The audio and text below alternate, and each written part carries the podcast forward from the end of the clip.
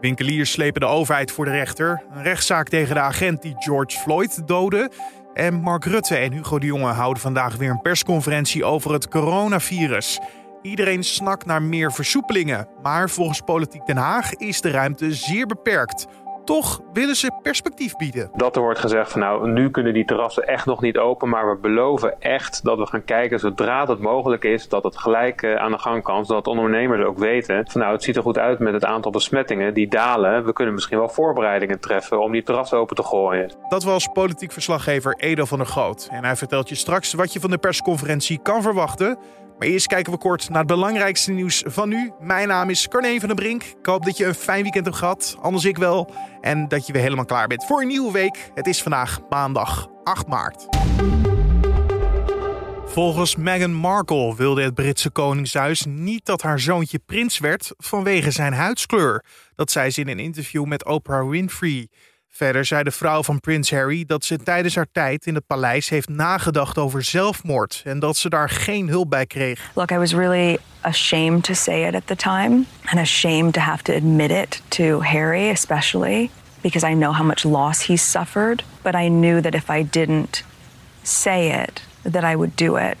And I, I just didn't I just didn't want to be alive anymore. Wel zegt Meghan dat Queen Elizabeth warm en uitnodigend was voor haar. Verder vertelde het echtpaar in het interview dat ze een meisje verwachten.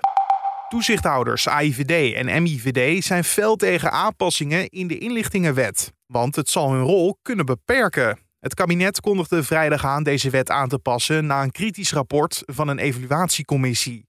De wet geeft inlichtingendiensten meer opsporingsmogelijkheden, zoals het verzamelen van bulkdata, grote hoeveelheden data waar ook gegevens tussen zitten van mensen die geen onderdeel van het onderzoek zijn. De commissie die de wet evalueerde adviseerde het kabinet het verzamelen van die bulkdata meer aan banden te leggen en de regels rondom de uitwisseling van gegevens met andere landen aan te scherpen. 4 tot 9 jaar cel voor onvrijwillige seks en verkrachting. Dat staat in een wetsvoorstel van demissionair minister Vert Grapperhaus van Justitie en Veiligheid. Deskundigen zullen vandaag reageren op deze strafmaat van de vorig jaar aangekondigde verscherpte wetgeving. Iemand is strafbaar als deze persoon wist of kon vermoeden dat de andere persoon geen seks wilde, maar toch heeft doorgezet. Dwang, geweld en bedreiging zijn niet langer een vereiste voor een veroordeling, maar zijn strafverzwarende factoren. Ook seksuele intimidatie op straat of internet moet volgens het aangescherpte wetsvoorstel strafbaar worden. Een politierechter kan straks een celstraf van maximaal drie maanden opleggen. Bibian Mentel geniet van de momenten die ze nog heeft. De drievoudig Paralympisch snowboardkampioene die al jaren kanker heeft en voor wie geen behandelingsplan meer is, zegt zich iets beter te voelen. Zondagavond sprak ze in de uitzending van Humberto Tan. Um, het gaat gelukkig. Uh, in die zin, het valt mee. En het is redelijk onder controle met de dextrometerzon waar Edwin het over had. Ik zeg wel eens gekscherend van, ja, als het zo is, dan, dan kan ik nog wel even. Dan zei je nog even niet van me af. Afgelopen vrijdag werd bekend dat de 48-jarige Mentel uitzaaiingen heeft in de hersenen.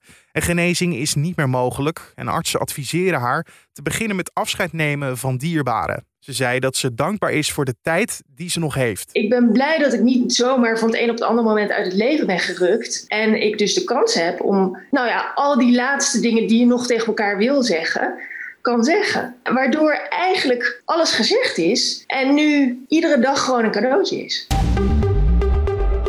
Een paar weken terug was de boodschap van demissionair premier Mark Rutte dat we in een fase zitten waarin we bereid moeten zijn risico's te nemen. De uitkomst daarvan was dat de middelbare scholen en MBO's weer lessen mochten geven.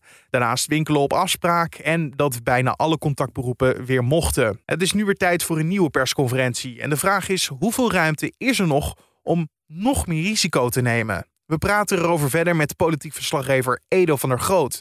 Want wat kunnen we verwachten van vandaag? Belangrijk is misschien wel dat er geen versoepelingen komen. En dat de avondklok waarschijnlijk wordt verlengd tot, uh, tot 30 maart. Met de uitzondering van 15, 16 en 17 maart. Dan zijn de verkiezingen. Dan zal er niet worden gehandhaafd, is er beloofd. Uh, stembureaus moeten namelijk volgens de wet tot 9 uur open kunnen blijven. Uh, en daarnaast ja, wordt er wel gewerkt aan wat versoepelingen. Misschien dat dat een klein beetje perspectief is wat ze willen bieden. maar dat gaat in ieder geval nog niet meteen in. Want als je het hebt over die versoepelingen waar gewerkt wordt, waar hebben we het dan over? Nou, er wordt wel gesproken over de terrassen. Dat was al een onderwerp van het debat twee weken terug. De vorige persconferentie. Dat de terrassen misschien gereguleerd open kunnen gaan. er is veel roepen om het hoger onderwijs, dat dat fysiek weer aan de gang komt. Dus het basisonderwijs, het voortgezet onderwijs is nu open. Volgende stap zou dan het hoger onderwijs zijn. De winkels mogen nu twee personen per verdieping naar binnen. Maar goed, grote winkels hebben daar natuurlijk niet zoveel aan. Dus nu wordt er gekeken of er misschien een oplossing is te vinden om een maximum aantal mensen per vierkante meter toe te laten. Ja, dus zo zijn er wat kleine dingetjes die, die ze willen bieden als vooruitzicht. Ja, en zwemles voor kinderen, wat weer mogelijk zou worden medio maart. Uh, toch wel de krent in de pap. Hoe belangrijk is het dan dat Rutte en de jongen echt perspectief kunnen bieden? Ja, dat, dat was heel belangrijk eigenlijk tijdens de crisis. Dat was steeds uh, ook een beetje het commentaar van geef ons nou eens uh, initiatief. Dat horen we al maanden eigenlijk. Dat is ook steeds een politieke discussie geweest. Dus dat is natuurlijk heel belangrijk. Het is wel opmerkelijk dat er nu wel iets wordt gezegd van ja, er zijn nu geen versoepelingen mogelijk. Maar waarschijnlijk gaan ze wel aankondigen dat er over drie weken, dan gaan ze kijken of versoepelingen mogelijk zijn. tot nu toe hebben we steeds te horen gekregen van dat, dat er een besluit is genomen.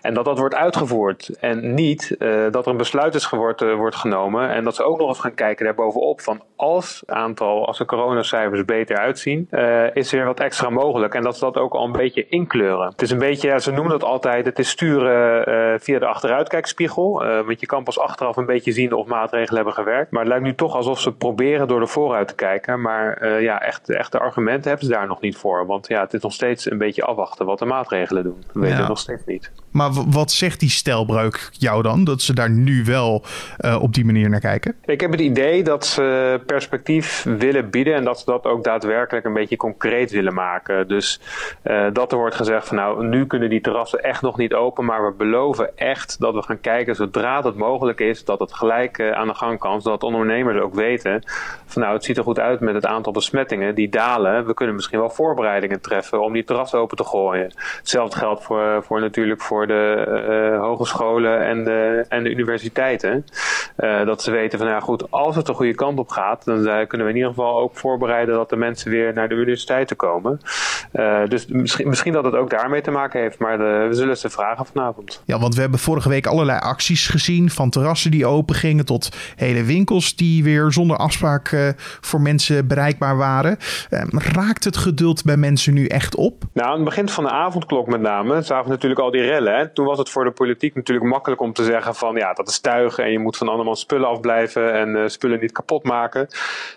Uh, nou goed, logisch. Uh, al vond niet iedereen dat logisch overigens. Maar goed, dat was in ieder geval voor de politiek eenvoudig om te zeggen van uh, dit hoort niet, dit mag niet. Maar nu wordt het natuurlijk wel geconfronteerd met redelijke argumenten van bezorgde ondernemers. Bezorgd is natuurlijk een understatement.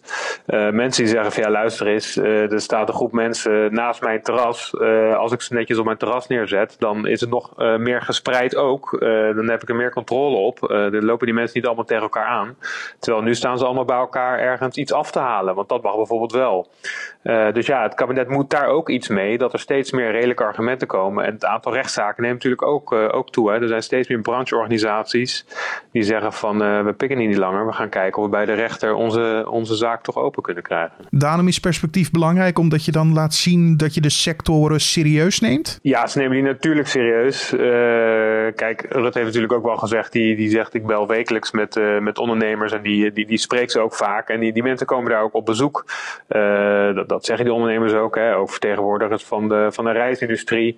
Maar goed, ze hebben allemaal dezelfde wens. Uh, gooi de maatschappij open. Alleen ja, goed, het kabinet kijkt natuurlijk vooral in eerste instantie naar de cijfers, of dat kan. Maar je ziet wel uh, dat economie en gezondheid, ja, het begint steeds dichter bij elkaar te, te lopen. Aanvankelijk was het vrij eenvoudig voor het kabinet om te zeggen: nee, we sturen echt alleen op, op de gezondheid. Maar je ziet dat de maatschappij dat eigenlijk steeds minder begint, begint te pikken. Ja, en dat zorgt voor frictie in de samenleving. Maar zorgt dat ook voor spanningen tussen de beleidsmakers zelf? Nou, het is binnen het kabinet is al wel bekend dat sinds eind vorig jaar zijn er wel twee, twee geluiden binnen uh, het kabinet te horen. Uh, enerzijds heb je de jonge, hè, de coronaminister en, uh, en Rutte, die, die zich vooral eigenlijk bezighouden met het medische, medische vraagstuk, die echt alleen kijken naar het aantal besmettingen. Maar goed, er is ook een club ministers die zeggen, zoals Hoekstra, de minister van Financiën, of Koolmees, minister van Sociale Zaken, zij zeggen veel, kijk nou ook een beetje naar de economie en naar het welzijn van mensen. En het is niet goed om mensen zo lang binnen te houden of zo lang te onthouden van, ja, om leuke dingen te doen.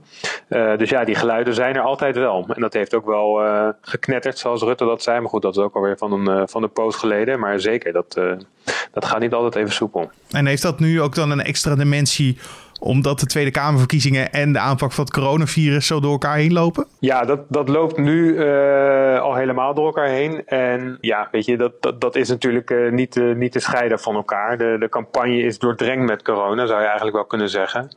En dat is ook het enige waar de politiek zich op dit moment mee bezighoudt. Normaal, het is nu verkiezingsreces. Dat betekent dat normaal partijen de straat op gaan om te flyeren, in zaaltjes spreken, noem maar op, zichtbaar te zijn. Ja, en nu is het enige waar de partijen de deur voor uitkomen is voor het coronadebat. Dus ja, het is, het is allemaal corona dat de klok slaat ook de campagne. Uh, en daardoor zie je eigenlijk ook een beetje, uh, ja, komt die campagne ook niet echt van de grond. Want ja, het is de, de status quo, dat, dat vinden mensen wel prettig op de een of andere manier. Van we hebben een, uh, we hebben een leider, minister-president, die ons door de crisis loodst. En dat zie je ook wel aan, aan onderzoeken die, daar, die daarnaar hebben gekeken. En die vinden het gewoon prettig om ja, die, diezelfde persoon voor de troepen te hebben staan. en verandering midden in de crisis, ja, daar, daar durven mensen niet echt aan. Dus de VVD heeft er ook wel alle baat bij om uh, uh, ja, de campagne zoveel mogelijk op coronabeleid te stoelen. Dus zo'n persconferentie als vandaag is een belangrijk campagnemoment. Ja, kijk, de VVD ontkent dat. Hè? En het is, ik heb het ook wel eens gevraagd tijdens uh, die persconferentie. En er wordt natuurlijk in alle toonaarden gezegd van nee, we kijken echt alleen om, we willen echt die crisis bestrijden. Maar het is hartstikke duidelijk hoor. De VVD voert natuurlijk campagne op, op corona. Dat is te zien, dat is te horen.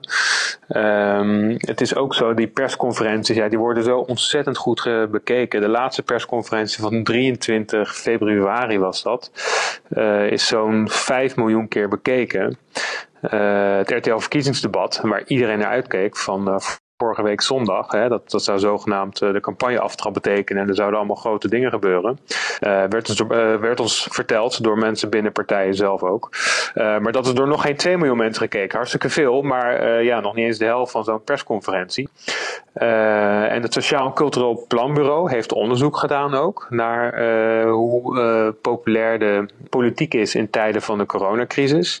mensen vinden die hebben een positiever oordeel over de politiek en dat kan onder andere komen door de vergrote zichtbaarheid van de politieke leiding in crisistijd. En zo'n voorbeeld is natuurlijk uh, uh, zo'n terugkerende persconferentie. Dus ja, dat is een extreem goed moment om uh, jezelf zichtbaar te maken en ja, stiekem toch ook een beetje campagne te voeren. Ja, nou, we gaan zien hoe dat stiekem gebeurt vanavond.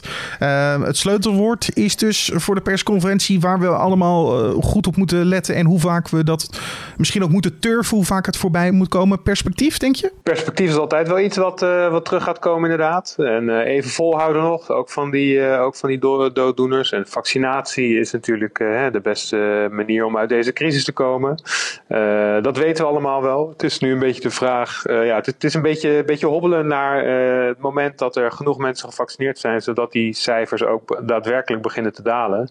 Het is namelijk wel opvallend dat, dat je ziet dat eigenlijk alles is nu uit de kast getrokken. Hè? Die avondklok, daar hebben we al bijna nou, de eerste drie maanden van het jaar mee te maken. Maar die cijfers die willen maar niet dalen. Dus ja, die gereedschapskist is bijna helemaal leeg. Dus ja, het kan niet anders dan dat het vaccin eigenlijk het enige redmiddel is. En ja, het kabinet die heeft bijna geen uh, handvatten meer om, uh, om te sturen. Dat was politiek verslaggever Eda van der Groot over de corona-persconferentie. Deze is vandaag om 7 uur te volgen via nu.nl en onze app.